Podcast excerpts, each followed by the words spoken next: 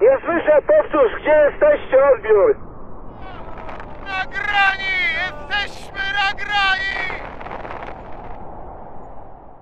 Nagrani. Podcast Festiwalu Górskiego imienia Andrzeja Zawady w Lądku Zdroju.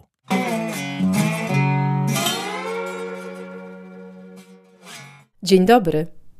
Po tej stronie Renata Wcisło.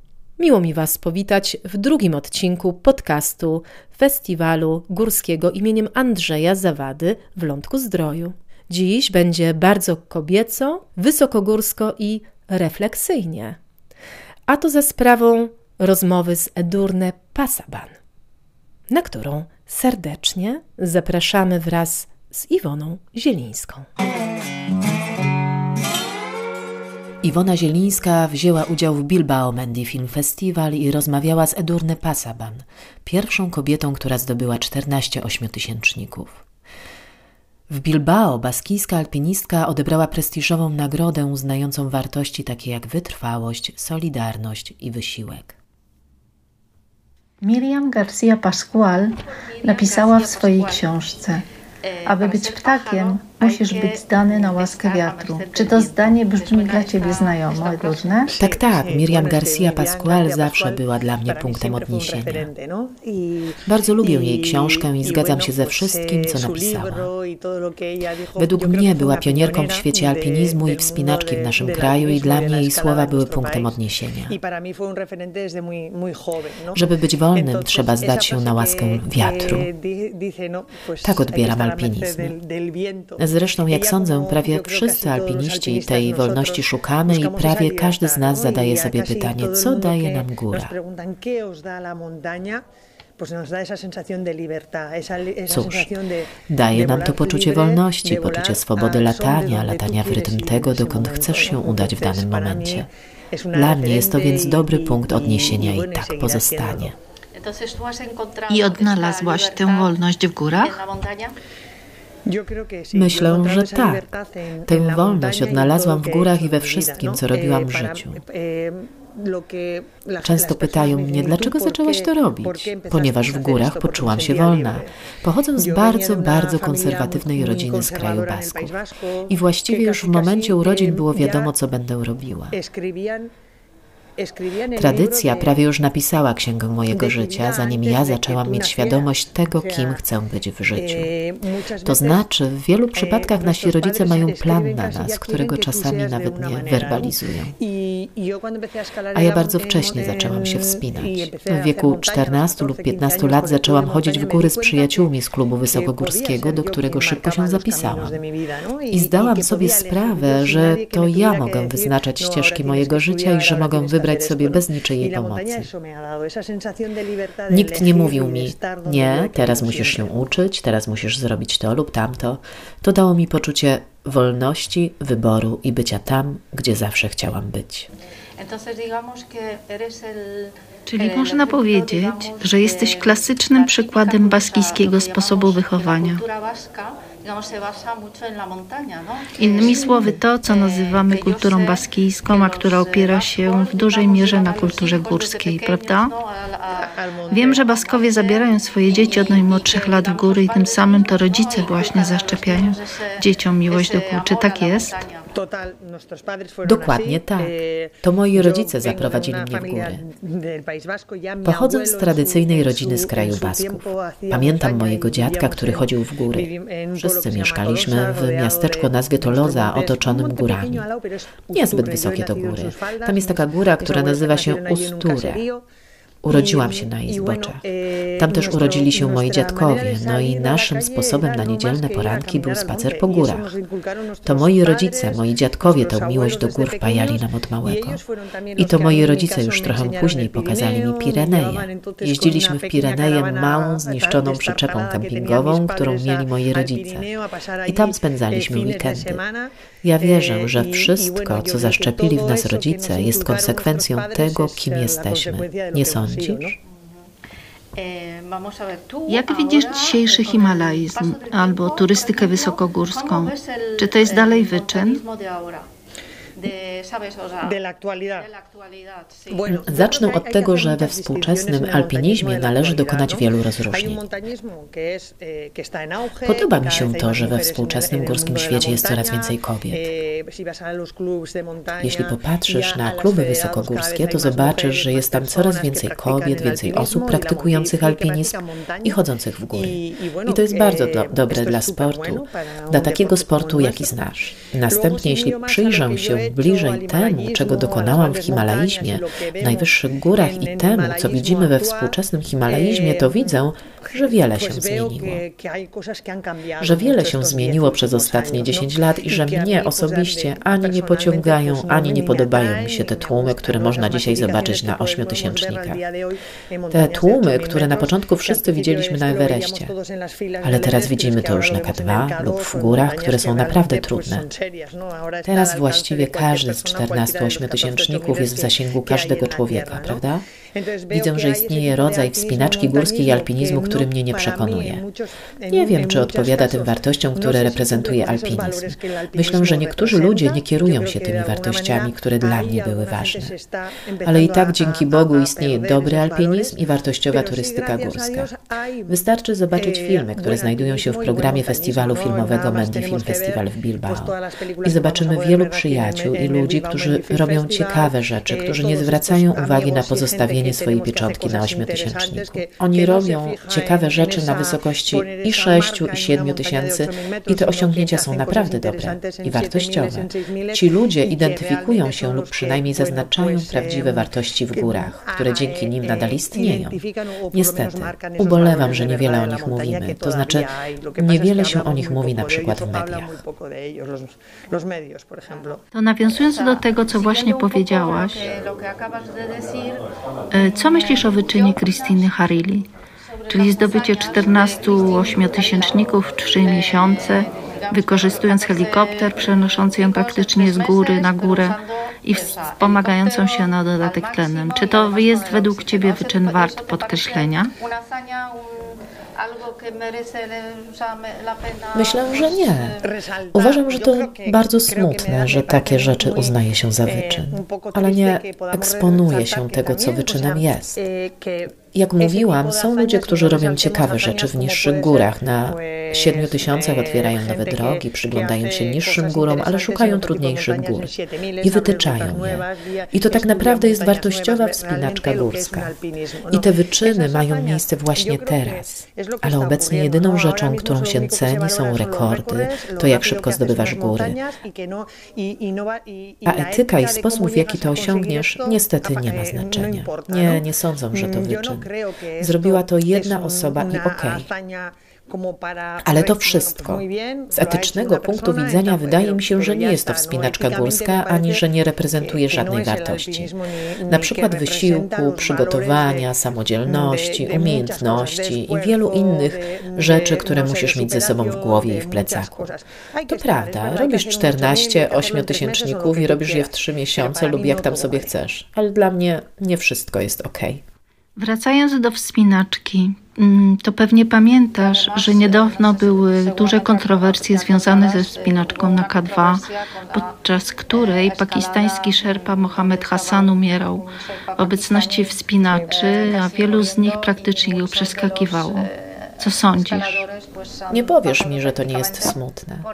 Tym bardziej, że tak naprawdę wspinaczka górska reprezentuje dla mnie wartości takie jak solidarność, praca zespołowa i człowieczeństwo. Okay? I z tego, co widzimy obecnie, zmienia się bardzo dużo. W rozumieniu człowieczeństwa właśnie. I tylko dlatego, że ważny jest rekord. I tak pewnie tylko na jakiś czas. Nie wytyczamy sobie osobistych celów, ani wartościowych wyzwań. Kiedy wracam pamięcią do czasów, kiedy się wspinałam, to nie miało znaczenia, że wspinałaś się na ośmiotysięcznik i że osoba, która miała wypadek, nie była w Twojej ekipie. Ważne było to, że ktoś, kto wspinał się na tej samej górze, potrzebował pomocy. I rzucał Rzucaliśmy wszystko i robiliśmy to, co do nas należało. Robiliśmy wszystko i oddalibyśmy wszystko, aby ocalić tę osobę. Tak więc czasami myślę, że wartości, które reprezentuję i alpinizm, który praktykowałam, zostały utracone i dominują obecnie takie rzeczy jak rekordy, czasy i zegary. Prawda jest taka, że jest to dość smutne. To bardzo smutne. Myślę często o moich kolegach, z którymi się wspinałam.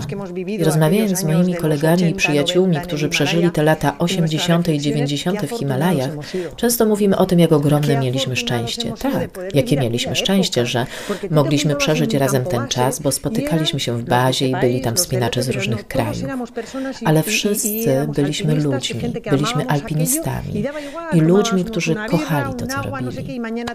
I to, skąd byłeś, nie miało znaczenia bazie rozmawialiśmy, piliśmy piwo i następnego dnia wszyscy szli w górę i wiedziałam, miałam pewność, że osoba, z którą rozmawiałam choćby chwilę, to ruszy mi na pomoc, jeśli będę tego potrzebować. Oni byli tam dla mnie i ja byłam dla nich. Miałaś tę pewność? Tak, 100% bezpieczeństwa. Ponieważ tak było i wygląda na to, że byli to ludzie chyba innego rodzaju. Tak, wygląda na to, że żyjemy już w innym świecie. Całkowicie. Ludzie zmienili scenariusz. My mieliśmy inny i działaliśmy zgodnie z tym, co było napisane. Ale wtedy to my byliśmy według tego scenariusza głównymi postaciami, innymi ludźmi. Teraz pisane są inne scenariusze i inni są też aktorzy. Czy gdybyś dzisiaj zaczynała swoją drogę górską, to również postanowiłabyś zdobywać 14 ośmiotysięczników? Ahora mismo no. No, pero eh, volviendo, digamos, un poco atrás. Atrás, en aquella época, sí, sí, porque yo me divertí Tak, tak, bo dla mnie to było coś, co bardzo chciałam zrobić. Dla mnie to było jasne od momentu zdobycia pierwszego aż do ostatniego szczytu. Poświęciliśmy z zespołem temu projektowi 10 lat. To były też ciężkie czasy, podczas których straciłam wielu przyjaciół i czas, kiedy przeżywałam lepsze i gorsze chwile. Ale gdybym mogła jakimś sposobem przenieść się w czasie do tamtych lat, to zrobiłabym to ponownie. Tak samo z tymi samymi ludźmi, z tymi samymi emocjami, ponieważ przeżyliśmy razem kilka wspaniałych lat, podczas których robiliśmy to, co lubiliśmy najbardziej i świetnie się bawiliśmy. Daj mi jeszcze raz 30 lat i zrobię to ponownie. Ale wiem też, że w trakcie zdobywania ośmiotysięczników, i wybacz mi z góry, że cię o to pytam, e, miałaś depresję, mniej więcej w połowie drogi zdobywania ośmiotysięczników i że ta depresja została przez ciebie zdiagnozowana i zinterpretowana. Z czego wynikała depresja, która dopadła cię w tamtym pięknym, jak opowiadasz, czasie? Dla mnie to był straszny czas, ponieważ ta depresja pojawiła się w moim życiu w kulminacyjnym momencie zawodowym, w dodatku w środku kariery sportowej, kiedy znajdowałam się w połowie zdobywania 14-8 tysięczników. W bardzo kluczowym momencie. Miałam 30 lat i to był czas, kiedy dopadło mnie życie. Miej na względzie to, że realizowałam się jako alpinistka w czasach, gdy społeczeństwo wyznaczało nam, kobietom, przetarte ścieżki. I od kobiety oczekiwano aby realizowała się w innej roli. Przyglądano mi się jako kobiecie, która przebywała w całkowicie męskim środowisku. Ja sama zadawałam sobie pytania, co ja robię? Ponieważ gdy wracałam z gór, widziałam, że moi przyjaciele mieli swoje życie, wchodzili w związki, żenili się i, i wychodzili za mąż i przede wszystkim widziałam to, że wszyscy mają dzieci. A ja bardzo chciałam być mamą. I na dodatek wiedziałam, że niektórzy z moich towarzyszy, z którymi jeździłam na wyprawę, też mieli dzieci. I wielu przyjeżdżało na wyprawę, zostawiając w domu ciężarne żony. I zastanawiałam się, co ja tak naprawdę robię. Społeczność wymagała ode mnie, abym w tym wieku przestrzegała takich niepisanych wytycznych, a ja nie pasowałam, bo myślami i ciałem byłam gdzie indziej, w górach. Dla mnie moja wolność, moje życie było takie, jak sobie wymarzyłam, ale nie pasowało do rzeczywistości, w której żyłam. I wtedy bardzo cierpiałam. Nie znajdowałam wsparcia w rodzinie, ale też nie znajdowałam odpowiedzi na te wszystkie pytania. W wieku 31 lat wpadłam w depresję z powodu pytania, co ja robię ze swoim życiem. I pytałam siebie, czy to będzie miało sens, to znaczy, czy to, co robię, ma sens? I popadłam w depresję z tego powodu. Dlaczego? Bo zobaczyłam, że nie pasuje do systemu stworzonego dla tych, którzy nas oceniają i piętnują. Innymi słowy, wyglądało na to, że trzeba się urodzić, studiować, zrobić karierę, szukać dobrej pracy, trzeba założyć rodzinę, kupić dom. No, ja nie byłam gotowa na takie życie. Nie pasowałam do tego schematu. Co więcej, byłaś, powiedzmy to jasno, naznaczona baskijskim konserwatyzmem. Odczułaś na własnej skórze to, jaki on jest, w szczególności w odniesieniu do kobiet? Rola kobiet. Rola kobiety w kraju Basków jest określona i jej wypełnianie jest ogromnie ważne. Es así, yo he visto a todas mis amigas que, que a esas edades, claro, yo ahora mismo tengo un niño de tak, 6 años. Tak właśnie jest. Widziałam moje koleżanki, jak stawały się matkami. Zazdrościłam im. Czułam wtedy, że odstaję od przyjaciółek. Ale teraz sama mam sześcioletnie dziecko. I jest idealnie. Yo, claro, yo lo veía y decía, es que me va a quedar sola aquí. O sea, eh, entonces encajar con eso eh, me costó mucho, mucho. Trzymałaś to w sobie? Czy podzieliłaś się tymi myślami z którąś z przyjaciółek? Czy w ogóle rozmawiałaś z kimkolwiek o depresji? No tak, próbowałam rozmawiać. No tak. Teraz zaczynamy dużo mówić o depresji, o chorobach psychicznych i tym podobnych rzeczach. Ale wtedy, w latach dwutysięcznych, na początku nikt o tym nie mówił. Nikt. I jak sobie radziłam wtedy? Musiałam sobie radzić sama, jak każdy wtedy. Oczywiście w domu widzieli, że jestem smutna, ale, ale nie wiedzieli dlaczego. Nie mogli tego wyczuć. Ja też nie zwierzałam się rodzicom z pytań, które krążyły mi w głowie. I ten brak wiedzy sprawiał, że nikt mnie nie rozumiał, nie wsłuchiwał się, nie wiedział, jak powinien wtedy do mnie mówić. Cóż, był to trudny czas dla mnie. Ale na szczęście miałam bardzo dobrych kolegów z zespołu. To byli w większości moi przyjaciele, z którymi się wspinałam. Osoby, w większości mężczyźni, z którymi przeżyłam wspaniałe rzeczy w Himalajach. Oni byli mi bardzo bliscy. Na przykład mój kuzyn Asier. I to paradoksalnie oni pierwsi zauważyli, że coś złego się ze mną dzieje. I mnie rozumieli. I potrafili mnie słuchać. I to właśnie oni pomogli mi wyjść z tej dziury, bo dzięki rozmowom z nim mogłam podjąć trudne decyzje. I mówiłam sobie, Edurne, nie jesteś taka jak inne dziewczyny i musisz zaakceptować siebie i zachować tę swoją inność. I masz ogromne szczęście, że masz przy sobie ludzi, którzy to rozumieją. Później skorzystałam z pomocy psychologicznej, ale jestem pewna, że przeszłam ten ciężki okres dzięki temu, że miałam bardzo dobrych przyjaciół. Oni zabrali mnie w góry, wspierali i wielokrotnie powtarzali mi: Edurne, musisz być sobą, a nie udawać ani przed sobą, ani przed innymi, że tak nie jest. Bo jeśli zrezygnujesz z siebie i ze swoich pragnień, to nie będziesz szczęśliwa. Miałaś szczęście, że przyjaciele cię wspierali, rozumieli. To wspaniale mieć takich przyjaciół. Dokładnie. Najlepsze dla dla mnie. Ale wracając do tematu, kiedy rozpoczynałaś swoją spinaczkową drogę, to żyłaś w bardzo zmaskulinizowanym świecie. No tak. To prawda, to był wtedy całkowicie męski świat i kiedy po raz pierwszy, mając 24 lata, przyjechałam do bazy pod Everestem i byli tam tylko mężczyźni. Ja byłam młodziutką dziewczyną. Znajdujesz się nagle w świecie mężczyzn, z których każdy ma znacznie więcej doświadczenia od ciebie. A na dodatek wielu z nich mogłoby być moim tatą, ponieważ byli ode mnie znacznie starsi. Dlatego odnalezienie się w takim miejscu wcale nie było łatwe. Ale zawsze miałam szczęście do dobrych ludzi, z którymi byłam blisko i z którymi się wspinałam. Moi koledzy zawsze bardzo we mnie wierzyli i sprawili, że i ja uwierzyłam w siebie i w to, co mogłam zrobić. Oczywiście inni wspinacze z innych zagranicznych ekspedycji mogli się zastanawiać, co robi ta dziewczyna na wyprawie. Mogli się zastanawiać, snuć domysły, mogli myśleć, co chcieli o tym, dokąd zmierza ta 24-letnia dziewczyna. Nie przejmowałam się tym, ponieważ czułam się bezpiecznie, bo miałam przy sobie ludzi, których szanowałam i którzy szanowali szanowali mnie, cenili mnie i wspierali. Myślę, że ważne było też to, że oni mi zaufali. I to zaufanie, jakim mnie obdarzyli, sprawiło, że ja zaufałam sobie. A nie było to łatwe, kiedy widzisz, że niektórzy zaczynają cię oceniać, że jesteś kobietą.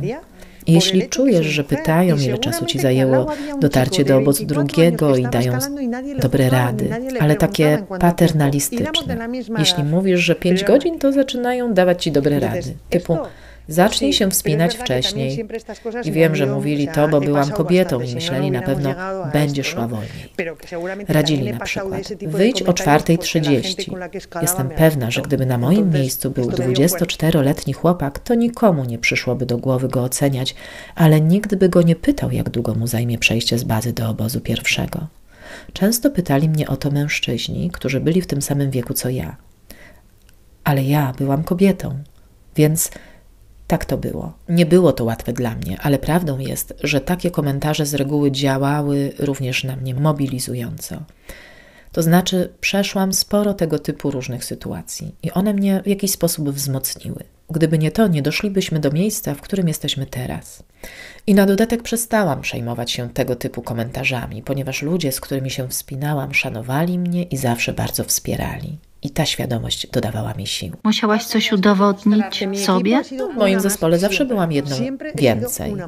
Nie musiałam nic udowadniać. Nie czułam, że muszę cokolwiek komukolwiek udowadniać. A opowiesz mi, jak powstał Twój zespół? Na początku zaczęłam się wspinać z ludźmi z mojego klubu wysokogórskiego. Po jakimś czasie zaproponowali, żebym pojechała z nimi na ośmiotysięcznik i była to pierwsza duża wyprawa z ludźmi z klubu. Pojechałam na wyprawę na ośmiotysięcznik, choć miałam tylko 24 lata, a reszta 35 lub więcej.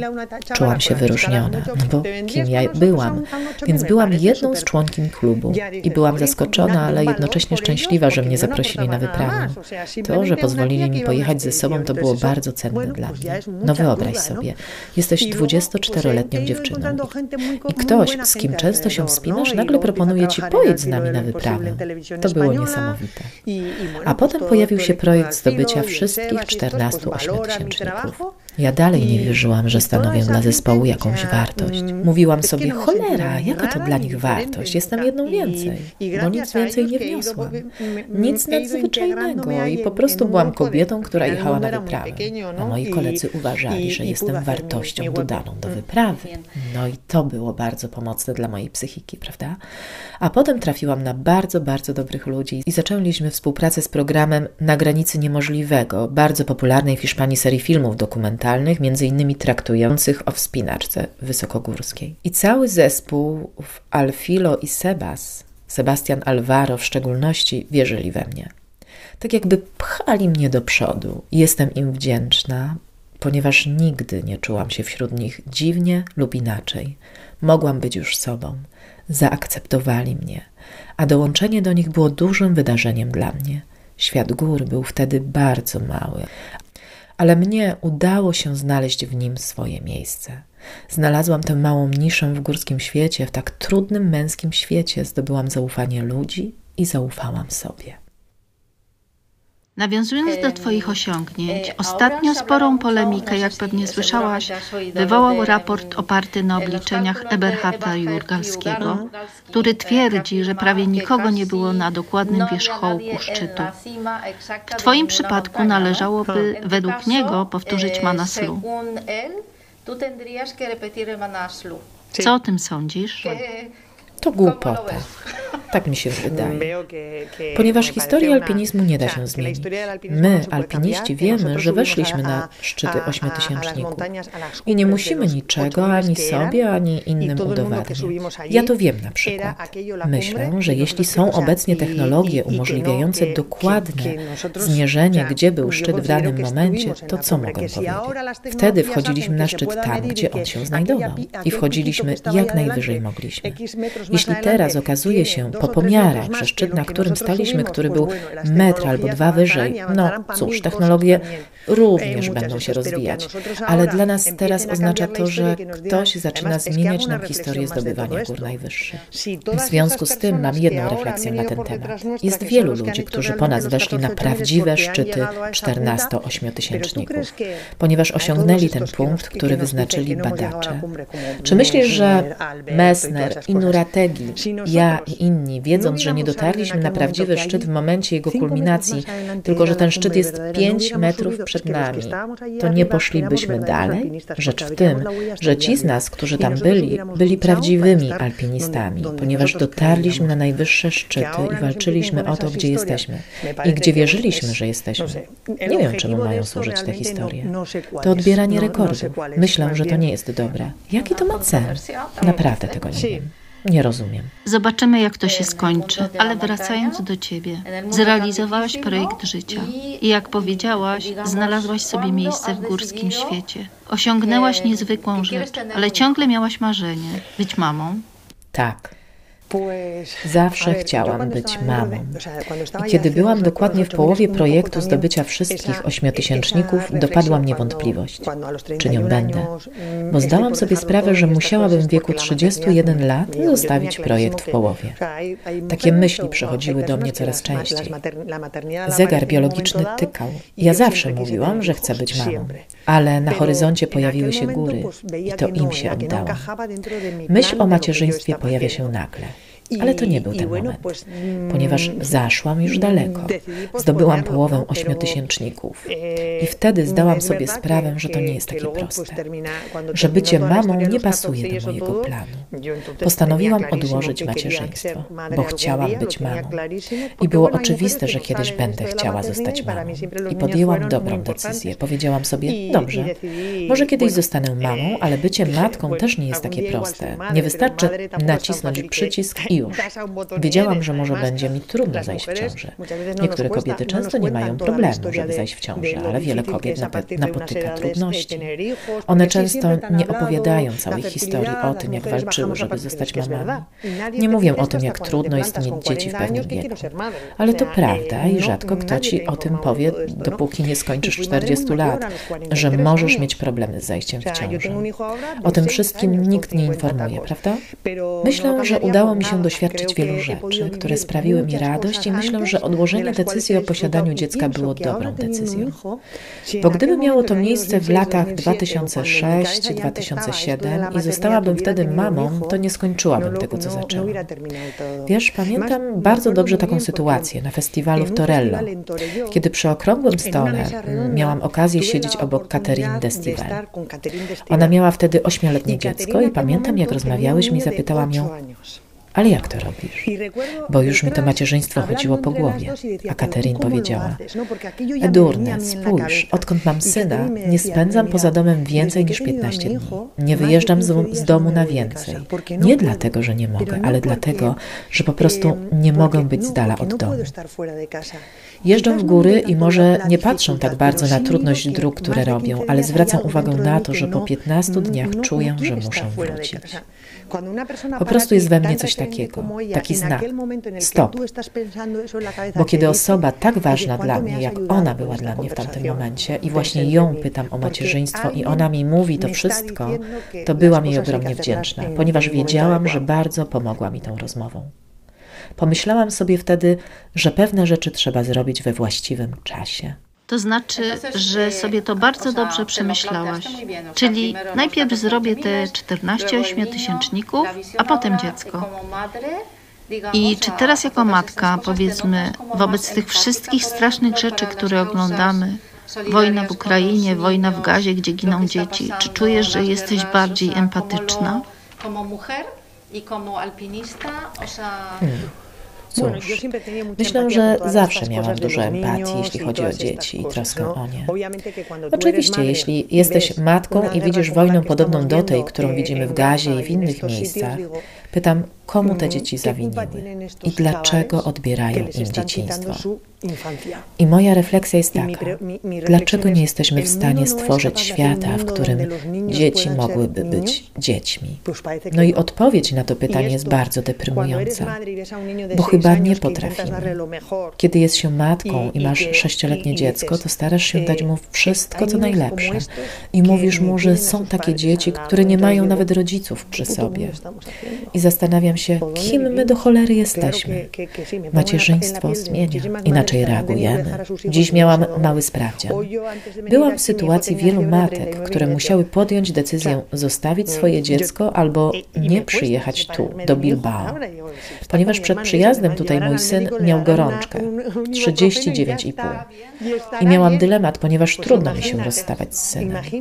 Ostatecznie zostawiłam go z moim bratem. Zabiorą go do lekarza, podadzą ibuprofen i pójdzie spać. Pewnie wszystko będzie dobrze, ale jestem niespokojna, choć wiem, że jest pod dobrą opieką. Teraz jest inaczej. W górach pojawiło się coraz więcej kobiet w każdej dziedzinie.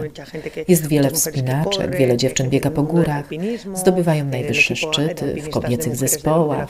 To wspaniale. Kibicuję im, ale prawdą jest, że łączenie życia rodzinnego z tego rodzaju sportem jest dla kobiety nadal bardzo trudne. I chociaż żyjemy w społeczeństwach, które walczą na rzecz równości, to bardzo trudno to osiągnąć. To dopiero początek, ponieważ nie chodzi o to, żebyśmy my się zmieniły. Musi się zmienić nasza kultura i nasze środowisko. Zaakceptowanie tego zajmie wiele pokoleń. Wierzę, że my, kobiety, wciąż stawiamy sobie lub zadajemy sobie pewne pytania, których mężczyźni sobie nie zadają. las mujeres nos planteamos o nos hacemos ciertas preguntas que los hombres todavía no se las hacen. Ze wszystkim, co wiesz, wszystkim, czego doświadczyłaś, to gdyby na przykład dziś podeszła do ciebie młoda dziewczyna i zapytała cię, hej Edurne, myślisz, że mogłabym zrobić to samo, co ty, eh, czyli zaplanować zrealizowanie jakiegoś wyzwania lub czegoś ważnego, eh, czegoś, co zrobiłabym tylko dla siebie, a potem mogłabym mieć dziecko? Co sądzisz, Edurne? Pewnie powiedziałabym, żeby żyła swoim życiem.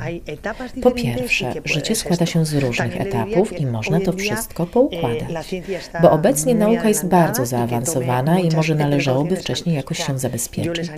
Mnie bardzo pomógł lekarz sportowy, który kiedyś w zupełnie prywatnej rozmowie przy obiedzie powiedział mi najlepszą rzecz, jaką mogłam usłyszeć zamroź swoje komórki jajowe. I to było najlepsze rozwiązanie w tamtym momencie. Strach o macierzyństwo, którego się pozbyłam. Jeśli mam syna w wieku 43 lat, dzięki jajeczkom, które udało mi się zamrozić w wieku 36 lat, to dziecko jest dla mnie prezentem. Pozbyłam się tej obsesji i obaw, która towarzyszy kobietom. A co jeśli nie będzie partnera, kiedy już zdobędą te szczyty? Obecnie dziewczyny realizują swoje pasje, żyją na 100% i wiedzą, że są różne etapy tego życia. A bycie mamą syna w wieku 43 lat, to nawet nie wiesz, jak to radość. Mam już spore doświadczenie życiowe i wiem, czego mogę go nauczyć.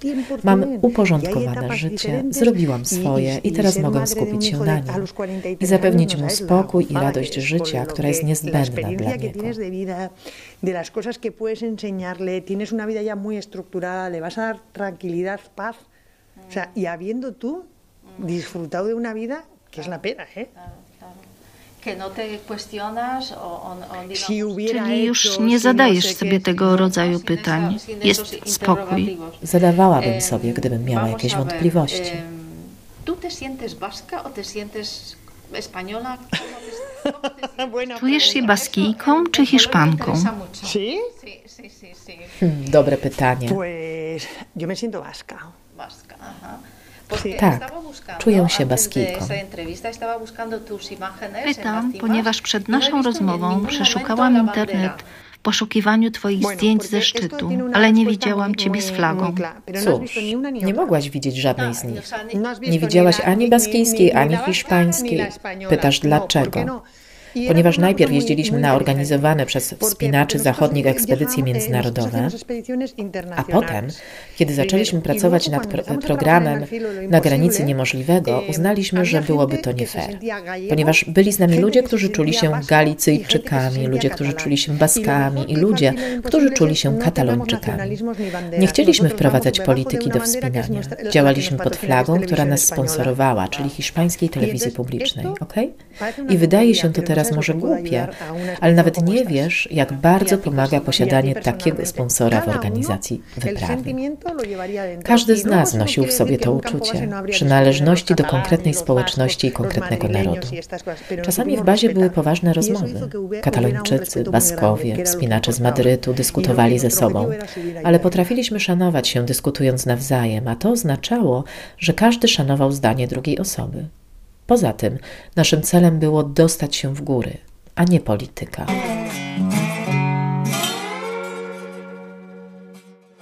Dziękujemy pięknie za tę rozmowę. Przypomnijmy, naszą główną bohaterką była Edurne Pasaban, baskijska himalaistka, zdobywczyni korony Himalajów i Karakorum. Rozmowę prowadziła Iwona Zielińska, a głosu użyczyła Renata Wcisło, która właśnie mówi te słowa. To pierwszy nasz podcast w nowym roku, dlatego chcielibyśmy życzyć Wam, nawiązując do rozmowy Zedurne, mądrej i refleksyjnej obecności w górach. A nam wszystkim spotkania we wrześniu na Festiwalu Górskim imieniem Andrzeja Zawady w Lądku Zdroju.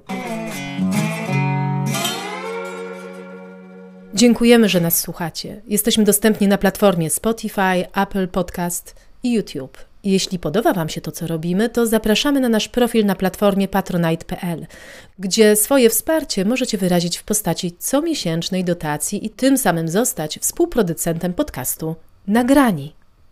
Dziękuję serdecznie i żegnam się z Państwem. Do usłyszenia. Renata Wcisło. Nie słyszę, powtórz, gdzie jesteście, odbiór? Nagrani! Jesteśmy nagrani! Nagrani. Podcast Festiwalu Górskiego imienia Andrzeja Zawady w Lądku Zdroju.